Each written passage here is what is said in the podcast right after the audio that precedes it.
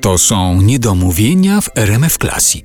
Gościem Artura Andrusa jest zwycięzca wielu muzycznych plebiscytów i laureat wielu muzycznych nagród, w tym Fryderyka, gitarzysta jazzowy i kompozytor Marek Napiórkowski. Jak opowiadałeś o tym gotowaniu strun, na których wcześniej grali stonsi, to sobie uświadomiłem, że to jest właściwie scena jak z filmu Barei. Przecież takie rzeczy. by- I tutaj wracamy do Jeleniej Góry. W Kamień. Czasach, tak, słynny kamień z Jeleniej Góry. Ile lat spędziłeś w Jeleniej Górze? Ile lat? 18.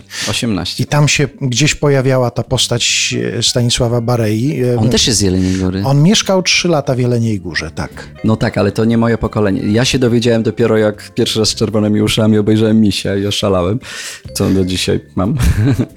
No tak, bo Bareja 20 lat przed twoim urodzeniem już wyjechał z Jeleniej Góry, to się spotkać na ulicy nie mogliście Nie mogliśmy. Też nie wiedziałem, ale bardzo to dobrze, że mi przypomniałeś. A y, dlatego też wspomniałem tutaj Stanisława Bareję, bo nie wiem, czy no, na pewno pamiętasz, bo to przecież jest niesamowita scena. Ostatnia scena w Misiu.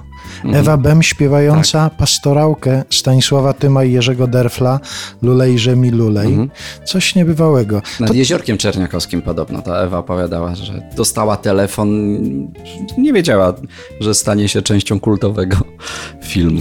Ale też to pokazuje, jak takie utwory, jak kolendy pastorałki, co one potrafią emocjonalnie w człowieku zrobić. Bo ta scena, ja pamiętam, że kiedyś jak się oglądało Misia, to się myślało, a co to takie poważne na koniec? I dopiero jak się zaczęło rozumieć, o czym jest ta pastorałka, co oni tam mówią w trakcie tej pastorałki, jakie tam się historie pojawiają, to coś niebywałego, jak ten utwór brzmi, teraz po latach zwłaszcza. Tak, pięknie. I teraz ja pamiętam bardzo silne odczucia emocjonalne związane z kolendami, z całym tym czasem świątecznym. Jakbyś mnie zapytał, czy w domu śpiewamy kolendy? Nie, teraz nie śpiewamy, ale to, co ja pamiętam jako dzieciak z tego czasu, z tej szczególnej atmosfery, z tego wszystkiego, co jest bardzo silnie w nas zapisane jako święta, to to się przekłada na to, że te kolendy będą zawsze chętnie słuchane, jak sądzę, i grane. Jest też taka w jakimś filmie angielskiej komedii romantycznej ktoś powiedział, że jak nagrywasz płytę Christmas, to znaczy, że się skończyłeś. I ja bym, jakby dwa lata temu ktoś zapytał, czy ja nagram płytę z kolendami, to bym się popukał w głowę. To jest niemożliwe. A jednak tak się losy potoczyły i kiedy graliśmy tę muzykę w sierpniu w studiu S4 pod czujnym okiem Leszka Kamińskiego, to udzielała się jakaś, to jest bardzo silny zapis, że kolenda ta czy tamta, znamy ją od zawsze, interpretujemy coś, co jest silnie zapisane.